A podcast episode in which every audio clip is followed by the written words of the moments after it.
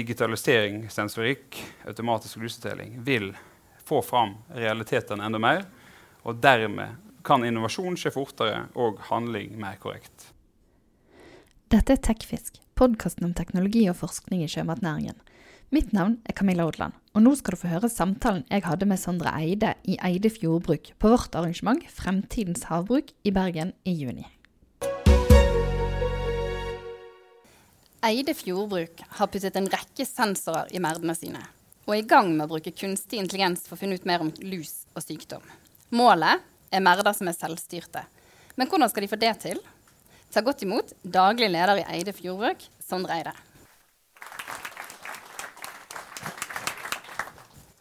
Og Sondre, hvor langt unna er dere visjonen om en selvdrevet merd? Det er nok et stykke igjen til en sjøldreven merd, men vi har mange sensorer ute og eh, ser daglig forbedringer i forhold til bruk av data. Men hva skal til for at man kommer dit som dere vil? Eh, mye penger og eh, tid. vil jeg nok si er viktig. Ja, og hva, Hvordan skal dere gjøre det? Har dere mye penger og tid? Eh, nei, altså, jeg tror da og, eh, altså, Vår visjon er egentlig at de åpne merdene i sjø er fantastisk. Lav CO2-avtrykk og eh, det er en del utfordringer, men vi mener at så lenge en på en måte får dem fram i lyset, så klarer en å løse dem. Um, ja. Så jeg tror da at å, å, bruke data og kunne analysere av fakta, og deretter handle av den analysen, vil være en del av framtida. Hvis du kommer dit at du har en merd som styrer seg sjøl, og alt fòring og alt skjer automatisk, eh, hva skjer med røkterne da? Det blir de viktigste folkene framover. Fordi at eh, de som er nærmt fisken Det er ikke sånn at eh, Altså, du, har, altså, du har to forskjellige versjoner av dette. Det ene er at ting flyter av seg sjøl, at det er autonomt, og at du har en app der du henter, en kommer og henter deg. Men jeg tror nok kanskje at eh, da å gjøre røkteren til en superhelt er det som ligger nærmest. At røkteren har et verktøy som gjør at han kan sjekke at alt går bra på en bedre og mer objektiv måte i framtida. Ja, og Der har jo dere et verktøy, det skal vi komme tilbake til. Men først tenkte jeg at vi skulle snakke om det som dere slapp på fredag.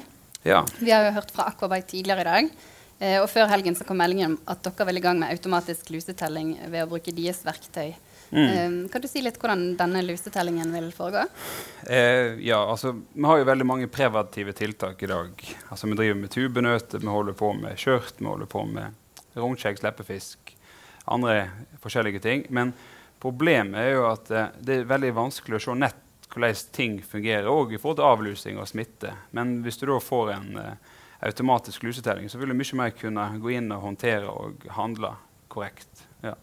Hvor lenge har dere jobbet med disse planene sammen med Aquavoid? Altså, det har jo vært uh, planer lenge, men nett å kunne rapportere direkte, det er jo nå nylig.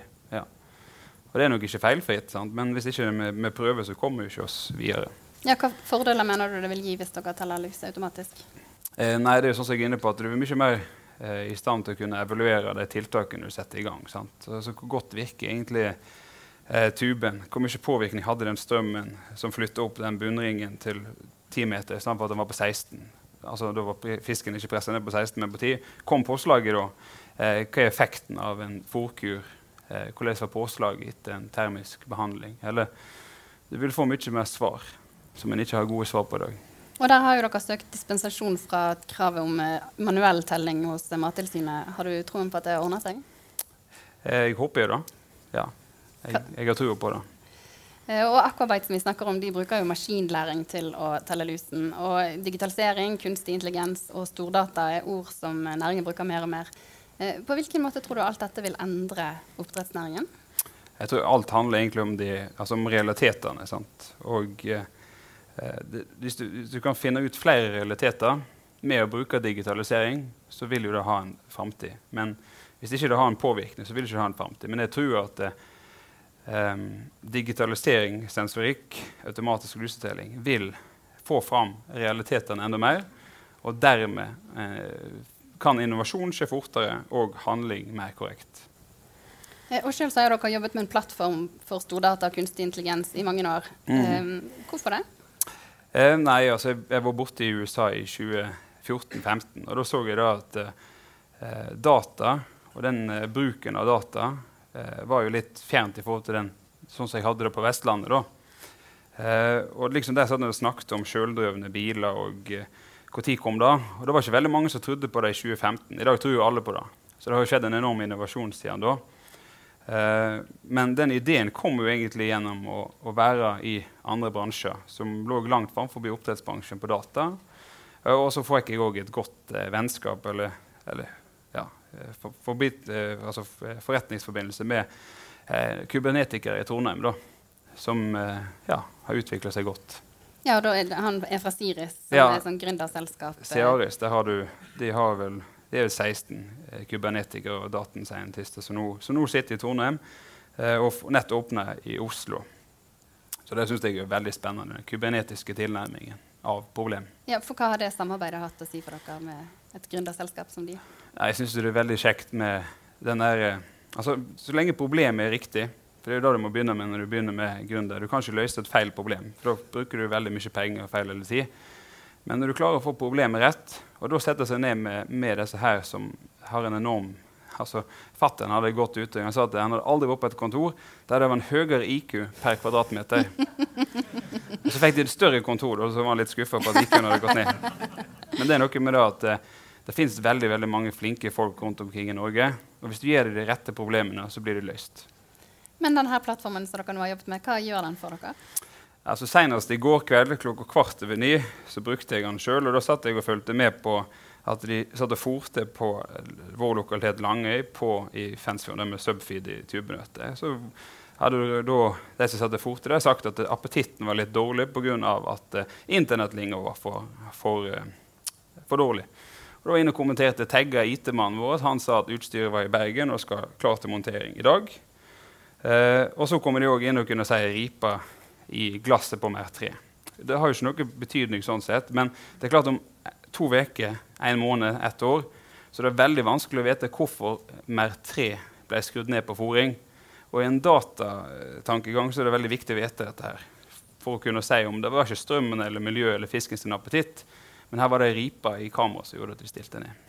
Mm.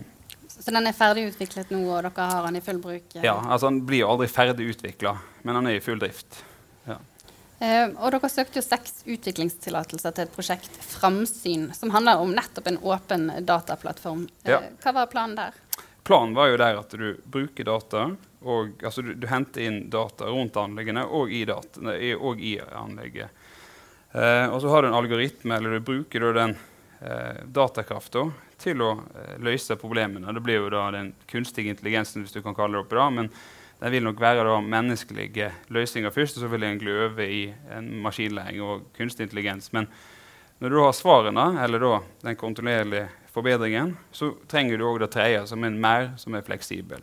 Det, må, det, det, hjelper ikke å vite alt dette uten at du kan eh, handle. Så da var det rett og slett å ha en mer som da kunne styre seg i forhold til i vannsøyla på eh, lus, alger, sykdom. Eh, Fòring som ble styrt i forhold til strøm, til appetitt. Ja. ja, så fikk dere avslag. Ja. Eh, hva syns du om det? Eh, jeg tror at eh, alle prosjekt har en modningstid. og jeg ser bare at data er mer aktuelt i dag enn det var i 2016. Så vi kommer ikke til å gi opp og få dette her til. så jeg håper jo at det kommer ordninger som kan ta dette med seg framover. Men må dere ha noen sånn ytre fordeler, holdt jeg på å si, eller kan dere bare gå i gang med dette? Altså, det er jo klart at hvis du hiver altså, det, Ting går fortere desto mer insentiver du har på det. Tingene er bare at det går seinere. Det er så enkelt som det. Så dere gjør det likevel, men det går saktere? Ja, Vi kan ikke hive en halv milliard kroner inn i et prosjekt som kan gå bra eller kan gå dårlig uten at det på en måte er noen form for sikkerhet. Men det er klart vi vil investere i det, for det er framtida. Men eh, det blir ikke like hardt. Og Dere søkte jo òg om utviklingstillatelse til Salmon Zero. Ja. ja. Hva er det for noe? Det er min bror som sitter her i salen sitt prosjekt. Det er hans masteroppgave da, i Trondheim eh, på NTNU, der han skrev om For det som er Problemet der er jo at eh, veldig mange rasanlegg kommer i, i Norge. Eh, og det som er tingen, Strandsonen er en veldig sånn ømfintlig tema for veldig mange. Eh, så hans sitt ting, eller hans sitt, uh, løsning var at uh, hvorfor ikke bruke disse her arealene som er for dårlige til å ha verken potte eller, eller gjennomstrømsanlegg, til å bygge rasanleggene. Sånn som når du en gang om 50 år eller 20 år, hvem vet, når du fjerner dette, så er det ikke noe stort hull i fjellet eller området som er planert ned, men rett og slett eh, flytende element som du kan flytte. Eh, og der fikk dere òg avslag. Hva betyr det for dere? Eh, nei, altså det betyr jo at eh, dette prosjektet òg eh, ikke Der tror jeg det er enda verre. altså for der er det sånn, Du kan ikke bare bygge dette her ut i en småskala. så Det, det, det, det er noe sånn trinnhøyde at du eh, Ja. Det, blir vanskelig å få til uten utviklingskonsesjoner, for å si det sånn. Men har du tro på at det kommer noen ny runde, eller at dette ordner seg på et eller annet vis for dere? Jeg har veldig tro på at det er gode prosjekt, og eh, langsiktighet alltid lønner seg. Og så var et annet prosjekt, Der fikk dere òg avslag, men så fikk det klarsignal nå før helgen likevel. Eh, og da tenker jeg på planen om et besøkssenter formet som et lakseøye, Salmon mm. Eye. Kan du først bare si litt hva det skal bli for noe? Ja, eh, Salmon Eye det er jo et visningssenter i Hardangerfjorden. Eh, og eh, vårt mål med det senteret er å, å vise fotavtrykkene til næringa. Eh, fordi det som sagt, så jeg sa innledningsvis, så er veldig opptatt, eller vår bedrift er opptatt av at de åpner mer enn i sjøen er veldig veldig viktige. Eh, og, og, så har det veldig mange gode sider. Altså Næringa er en fantastisk næring, og så har vi noen problem. Eh, og dette senteret var jo tenkt at vi skal vise fotavtrykket til næringa på godt og på vondt. Altså da, det er vårt konsept. Det finnes veldig, veldig mange gode visningssenter rundt omkring. Det vi fokuserte på, det var fotavtrykket til næringa. Eh, og så har du òg sagt at det skal stimulere til ny innovasjon i næringen. Mm. På hvilken måte kan det gjøre det? Jeg tenker jo igjen tilbake til disse her eh, smarte folkene som går rundt i landet vårt. Så er det sånn at eh, så lenge de får presentert objektive fakta, så er det veldig mange av de som kommer til å ville gjøre noe med problemene. Og Da kan vi spare dem for veldig mye tid for å si hva er det egentlig som er der vi har størst nåverdi av å sette inn ressursene.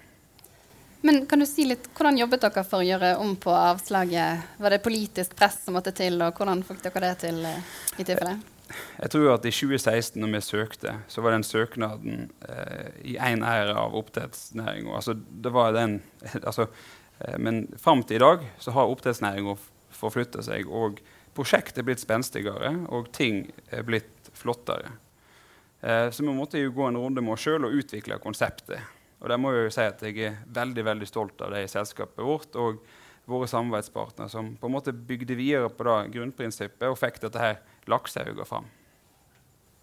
Så det var mer deres utvikling som gjorde det? Det var ikke det at fiskeriministeren kom på banen? Selvfølgelig hjelper det at fiskeriministeren er engasjert. Jeg, altså, men jeg syns at, at, den utviklinga der var veldig god kombinasjon. Og Tidligere har du sagt at du mener det ligger flere muligheter i ny teknologi enn det næringen har tatt i bruk til nå. Kan du si litt om hvilken type teknologi du tenker på? da? Ja, altså, Det finnes veldig mye teknologi i andre bransjer som muliggjør en vekst. Eller ikke en vekst nødvendigvis, men en forbedring. Uh, og nett hva det er, det er jo ikke, altså, det er ikke godt å si, men, men poenget er at det, det finnes sjøldrevne biler i dag. Hvorfor finnes det ikke det automatisk fòring?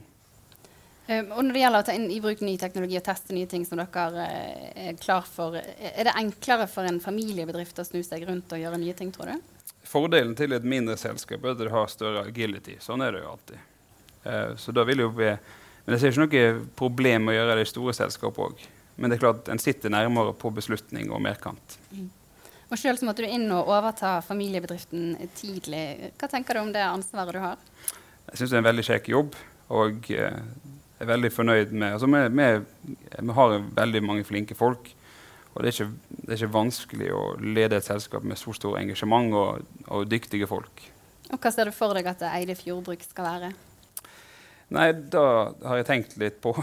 Eh, jeg håper jo på, altså, Vårt mål er jo at det er et familieselskap. Vi ønsker å drive på en sånn måte at både fjerde og femte generasjon eide kan holde på der vi holder på. Så vi må gjøre ting skikkelig, og så må vi gjøre ting på en måte som gjør det mulig å utvikle næringen vår. Altså slippe inn gründerselskap. Er med på ja, Vi har jo som visjon å sette standarden for framtidas havbruk. Så vi skal ikke bli størst, men vi ønsker å være med og prege. Og så nevnte du i sted at du eh, ser fortrinnet til merder i sjø. Nå bygger jo dere et stort settefiskanlegg på land, men ja. du er litt skeptisk til det som skjer innen landbasert oppdrett. Eh. Altså, Hvorfor det? Jeg mener jo da at jeg må se realitetene. og Poenget mitt er bare at eh, det vi har, er fantastisk hvis du ser det i et klimaperspektiv. Det er en vanvittig klimavennlig matproduksjon av animalsk protein. Og det du ser automatisk når du tar det på land, så er det selvfølgelig ikke en ratio som er 1 til 1, men, men du dobler omtrent CO2-forbruket. Og du har lusa som er et problem, du har sykdom, du har dødelighet. Men, men er, utfordringen er her går grensedragningen mellom hvor mye skal du flytte opp på land, og så er det andre spørsmålet mitt skal ikke vi bruke tid og krefter, energi, på å utvikle de åpne merdene, som er konkurransefortrinnet til Norge. For det, det, er ikke noe god økonomi hvis du ser 20 år fram og lager seks kilos land i, i Norge og flyr den til Kina. Ja, føler du at det er for mye fokus på land og for lite på å utvikle verden i sjø? Sånn det, har jo vært en veldig fokus på land. Og det er jo mange gode ting med land, med at du får kortere omløpstid, du får mindre, kan, kan få mindre omløpstid, kan få mindre lus og mindre sykdom. Um, men jeg syns at de åpne merdene sjø fortjener mer oppmerksomhet. Det er, det er flott. Altså, men vi må, vi på, altså, det gjelder å se på problemene, få dem fram og løse dem. Det virker som Eide Fjordbruk holder på med en uh, haug med ting. Hva vil du si er det aller viktigste dere gjør? Det er den produksjonen vi gjør dag til dag. Og at eh, røkterne våre, de som fôrer produksjonen, altså at den går som et eh, oljemaskineri, og at tannhjulene går veldig godt. Det er det absolutt viktigste vi holder på med, at vi driver godt. Og da sier jeg takk til deg så langt. Samtalen du nå har hørt ble spilt inn på vårt arrangement Fremtidens havbruk i Bergen i juni. Neste uke kommer del to. Der snakker Sondre Eide om digitalisering i havbruksnæringen, sammen med to andre. En gründer og en fra Akvagrupp. Du kan abonnere på Tekfisk i podkastappen på telefonen din, og du finner oss på Spotify og i iTunes. Der finner du òg de to andre podkastene som ble spilt inn på arrangementet vårt. Temaet der er ny teknologi i havbruksnæringen.